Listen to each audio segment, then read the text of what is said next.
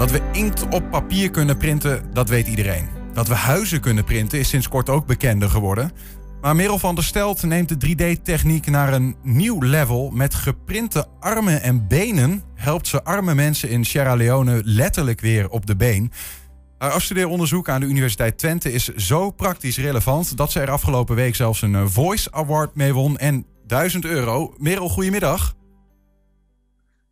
Hoi Niels.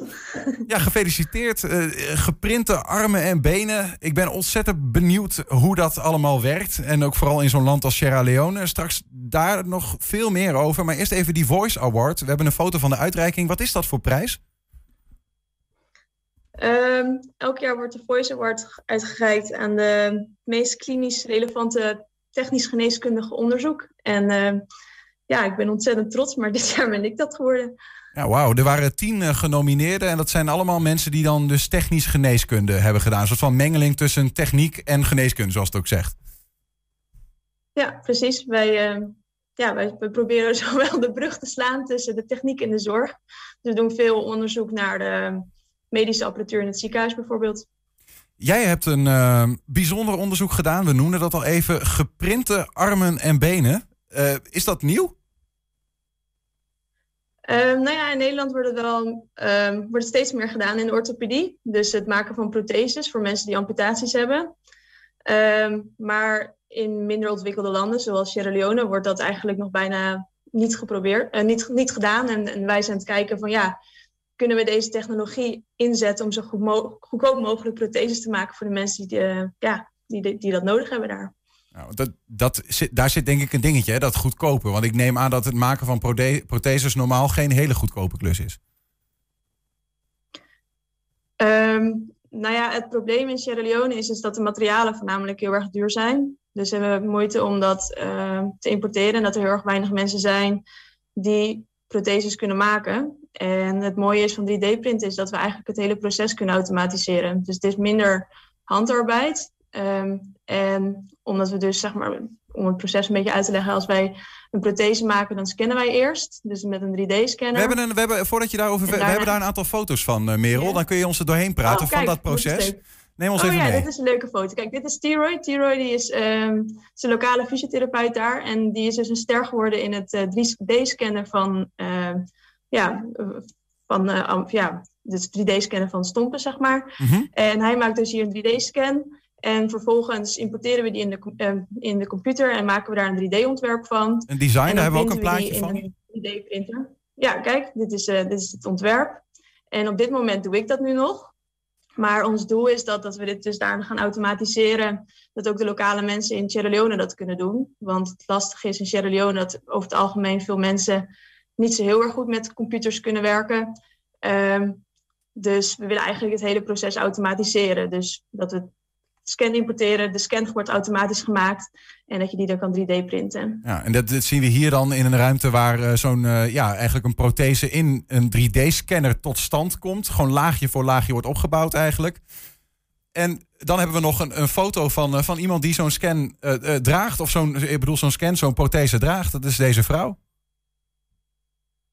Um, ja, voor deze vrouw hebben we een prothese gemaakt. Um, zij zijn oude, oude prothese. Dus we, ik heb eigenlijk acht mensen heb ik afgelopen jaar hebben we een prothese gegeven. En veel daarvan die hadden helemaal geen prothese. Dus die lopen eigenlijk gewoon met krukken. Maar deze vrouw die had wel een oude prothese, maar die was helemaal gebroken en de voet lag eraf. Dus hebben we voor haar deze nieuwe prothese gemaakt. En ja, wat ze eigenlijk zei van ja, hij is veel lichter. Dus dat vond ze heel erg fijn. En wat ook vaak gebeurt is dat mensen een prothese dragen. Zeg maar, kunnen, het probleem is dat die prothesen zijn in, in Sierra, Le Sierra Leone relatief duur. Dus mensen kunnen dat niet betalen. Dus of ze hebben geen prothese en lopen dus met krukken. Of ze lopen, kijken of een oude prothese van iemand anders die misschien is overleden. Of die dan misschien past. Mm -hmm. Nou, je kan je voorstellen dat dat niet echt optimaal is. Nee, nee. Als die, als die nou eenmaal is geprint en, zo, en je draagt hem, dan moet je er ook nog mee oefenen. Hè? We hebben daar nog wat, wat beelden van, uh, van, van een man die, die ermee... Want dan, dan ben je er bijna, maar je moet hem nog leren dragen eigenlijk. Goed dat je dat zegt. Um, kijk, het maken van zo'n prothese is één ding. Maar ik denk dat dat eigenlijk nog ineens uh, het makkelijkste of het moeilijkste deel, onderdeel is van het hele proces. Want als iemand uiteindelijk een prothese moet je er natuurlijk ook goed mee op leren lopen. Mm -hmm. En dat is al een hele uitdaging in Sierra Leone, want eigenlijk uh, leren de fysiotherapeuten niet om patiënten weer opnieuw te leren lopen. En het film, de man die jullie net zagen op het filmpje, die had al meer dan twintig jaar niet gelopen. Dus je kan je voorstellen, die heeft eigenlijk in dat been dat geamputeerd is helemaal geen spieren meer. Dus dat is een ongelofelijke klus om zo iemand weer uh, ja, de eerste stappen te leren te zetten. Dat is een van de, van de vele uitdagingen waar je ook in Sierra Leone mee, mee te maken kreeg. En misschien laten we even naar dat land uh, gaan. Jij kwam daar als technisch geneeskundestudent en dacht van, nou ja, protheses maken, uh, we gaan eens even kijken. Maar dat begon al met de uitdaging dat daar eigenlijk acht mensen in de rij stonden die ze voor je hadden ja, verzameld bijna. In Sierra Leone zijn veel meer mensen met die armen of benen missen dan hier in Nederland? Ja, een ehm, hele hoop meer. Ja, Sierra Leone is een van de minst ontwikkelde landen uh, op deze wereld. En omdat de gezondheidszorg niet zo goed is, uh, en ook veel mensen eigenlijk niet zijn opgeleid, niet kunnen lezen en schrijven, ja, is de gezondheidszorg eigenlijk heel slecht. En daar komt bij dat mensen heel erg arm zijn. Mensen verdienen daar misschien 1 à 2 dollar per dag, als ze dan al iets verdienen. En als je dan nagaat dat een lokale prothese ongeveer 150 euro kost, of 150 dollar, zoiets, mhm. dan kunnen mensen dat helemaal niet betalen. En, eigenlijk, ja, en, en daarnaast zijn er bijvoorbeeld in Sierra Leone veel meer traditional healers dan echte doktoren. Um, wat zijn dat dus voor dat mensen? Dat betekent dat als iemand. Wat, traditional healers bedoelt u? Ja. Um, nou ja, dat, die, die genezen eigenlijk op een traditionele wijze. En die geloven in, in, het, in, in, in, in het geloof van God. En dat het daardoor uh, uh, probleem, zeg maar, dat het, het medisch probleem wordt opgelost. Een soort medicijnmannen. Maar, uh, ja, en, en ook wond, zeg maar, wonden worden geheeld met kruiden. En ik zeg niet dat alles wat die traditional healers doet, dat dat slecht is, helemaal niet. Maar dat komt wel vaak voor dat mensen kiezen om eerder naar zo'n traditional healer te gaan dan naar een echte dokter. En in, in sommige gevallen gaat het dus helemaal fout. Ik had bijvoorbeeld één jongen, en, en dat is een ongelooflijk tragisch verhaal, was een jongetje van zeven. Die was uit een mangoboom gevallen. En die had daarbij dus een uh, zijn arm gebroken. En wat bij ons dan is opgelost met zes weken gips.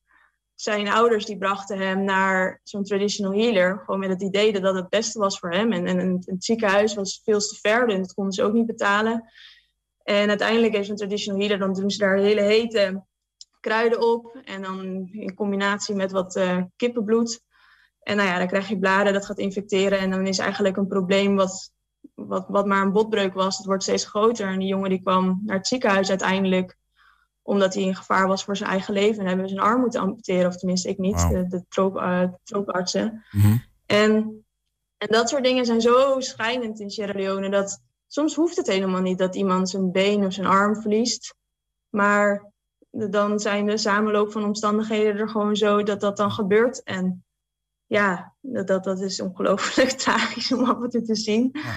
Maar des te, des te um, mooier ook, Merel, denk ik, voor jou... Dat je, dat je daar iets echt heel praktisch met je 3D-geprinte neparmen en benen, om het zo maar te zeggen... gewoon heel praktisch kunt helpen. Hoe, hoe voelt dat dan om zo'n werk af te leveren dat je iemand weer letterlijk op de been kunt helpen?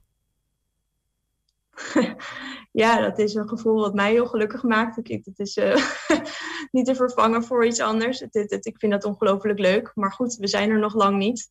Het is leuk dat ik die protheses kan maken daar. Maar daar um, verbeteren we deze wereld niet mee. De bedoeling is dat de mensen het zelf daar kunnen doen. En ik ben heel erg blij dat T-Roy, dus de lokale fysiotherapeut, daar al in heel erg goed meewerkt. Maar de bedoeling is wel dat de lokale fysiotherapeuten zometeen dit eventueel overnemen.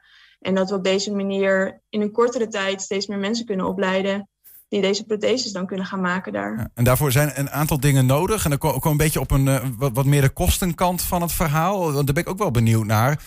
Um, ja, hoeveel kost het op, op, met die printmanier om één prothese te maken voor, voor jou, voor jullie? Nou ja, wij printen alleen het onderdeel wat op maat gemaakt is. Dus dat heet de prothesekoker. En die prothesekoker kost nu 20 euro aan materiaalkosten. Dus dat is uh, niet veel. En daarbij importeren we nu nog de andere protheseonderdelen. Dus dan komen wij ongeveer op de kosten van 100 dollar uit. Dat is ongeveer net zoveel als de lokale prothese. En dat is natuurlijk nog steeds veel te veel. Dus we willen eigenlijk ook die andere onderdelen van die prothese... willen ook kijken of we die lokaal kunnen produceren... en op die manier een goedkope prothese te maken. Ik hoop dat wij over misschien twee, drie jaar een prothese kunnen maken die goedkoper is dan 50 euro. Want hoeveel verdienen mensen daar ongeveer? Wat is, dat, wat is 50 euro daar bijvoorbeeld? Nou ja, 50 euro is eigenlijk al hartstikke veel. maar mensen verdienen ja 1 à 2 euro per dag. Dus ja, daar moet je wel even een tijdje voor sparen, ja. ja, ja. En uh, zou je niet gewoon kunnen zeggen van... Uh, want, want je komt dus blijkbaar al de mensen wat tegemoet in kosten. Hè? De maakkosten zijn eigenlijk hoger dan waar je, waarvoor je die protheses nu eigenlijk aan mensen verkoopt, toch? Ja, we vinden het belangrijk om, om alle deelnemers die aan dit onderzoek meedoen... want het is een onderzoek, hè um, toch een kleine bijdrage te geven. Omdat wij denken dat dat, wij vinden dat dat duurzaam is. Ik bedoel, in Sierra Leone moet iedereen betalen als ze naar het ziekenhuis gaan voor alles, ehm, alles wat je doet. En wij willen ook niet te veel concurreren met de lokale prothesemakers. Dus het is, het is belangrijk dat uh, patiënten daar gewoon, ook, ook uit waardering, ook op het moment dat iemand gaat betalen voor zijn prothese, waardeert hij zijn prothese ook veel meer en bedenkt hij ook veel meer van heb ik dit echt nodig en is het niet zoiets van oké, er is een witte arts uh, in Masanga ziekenhuis en we gaan even kijken wat we daar te halen valt of zo. Mm -hmm. dus daar het belang, het is echt niet dat ik rijk word van die 15 euro die ik vraag aan die patiënten, maar we merken dat die 15 euro al een flinke bijdrage, al, al best wel moeilijk is soms om te verkrijgen bij die mensen. Ja, ja. En dat is niet omdat ze niet denken dat ze het niet nodig hebben, maar omdat ze het echt moeilijk vinden om dat bij elkaar te verzamelen. Ja, dus, dus gratis maken is, is zeg maar, uh, uh, zou een heel liefdevol gebaar zijn, in, denk je in eerste instantie, maar eigenlijk doe je dat niet omdat je um, de bevolking wil leren dat ze zelf uh, nou ja, verantwoordelijkheid moeten nemen om dit proces over te nemen eigenlijk. Ja, nou kijk, het is heel belangrijk. Kijk, ik, kan, ik, kan, ik zou met liefde iedereen gratis protheses willen geven, natuurlijk. Maar op een gegeven moment is de bedoeling dat Sierra Leone dit overneemt. En een project blijft alleen maar bestaan als er ook geld binnenkomt. Dus op die manier moet je een evenwicht in vinden dat dat, dat project ook uh, gefinancierd wordt. Ja, toch zit er een, en dat dat op een gegeven moment alleen maar door lokale wordt gedaan. Voor nu zit er in ieder geval nog een, een, een gap, een gat tussen. Hè, je zegt je verkoopt ze voor 15 euro aan de mensen, maar het maakproces is, is misschien wel 50 tot 100 euro. Um, dat gat moet opgevuld worden. Daarvoor hebben jullie een stichting, hè? Ja, wij hebben af, um, sinds dit jaar wij een stichting opgezet. En dat is uh, 3D Printing in Developing Countries. En ja, met dit geld financieren we dus de materialen in Sierra Leone voor die protheses. Maar ook hopen we genoeg geld in te zamelen om daar ook lokale werk werknemers uh, aan te nemen. Uh, misschien wel een, hopelijk een lokale prothesemaker Um, en we werken veel samen met het ministerie in Sierra Leone. Dus we doen dit niet op eigen houtje, maar we werken echt veel samen. We proberen veel samen te werken met de overheid om dit zo goed mogelijk te implementeren. Um, dus ja, mochten mensen het een uh, leuk project vinden, uh, ja, alle donaties zijn ongelooflijk welkom. En 100% van uw gedoneerde geld wordt uh, gestopt in dit project. Staat genoteerd. We hebben de, uh, het rekeningnummer even in beeld laten komen. Dus dat kunnen mensen dan overnemen als je dit een warm hart toedraagt. Tot slot dan, Merel. Um, je noemde het al even twee, drie jaar. Je, je noemde ook eerder een droom. Een, een, droom om het misschien wel beschikbaar te maken voor zoveel mogelijk mensen. En zelfs tot ver in de bush hè? ja, mijn droom is aan het. Kijk, ik ben, nu aan het promoveren. Dus ik hoop aan het eind van mijn promotie een groot onderzoek op te kunnen zetten. Waarbij we eigenlijk ook een lokale werkplaats hebben. Zodat we in, in echt op hele afgelegen gebieden mensen protheses kunnen geven. En dat is natuurlijk een groot probleem. Mensen die in de stad wonen, die kunnen een prothesemaker wel vinden. Maar mensen die erg afgelegen werken, wonen, die, die komen nooit in de stad. En die komen ook nooit bij een prothesemaker. En wij hebben de mogelijkheid om met die scanners gewoon in de dorpen daar te gaan scannen. En dat, nou ja, dat lijkt me wel waanzinnig als we dan uh, super afgelegen gaan zitten scannen. En dan op die manier protheses kunnen maken. Ja. ja. Mensen die denken soms dat ik een soort van tovenaar ben. Want dan zien ze mij met die scanner. En daarna laat ik met vol trots die 3D-printer zien. Maar dan denken ze, ja, dit kan niet waar zijn. Dan zijn ze in de eerste instantie hebben ze een beetje het gevoel dat ze blij zijn gemaakt met een dode mus. Maar als ze dan een prothese komen ophalen, dan denken ze, wat? Huh?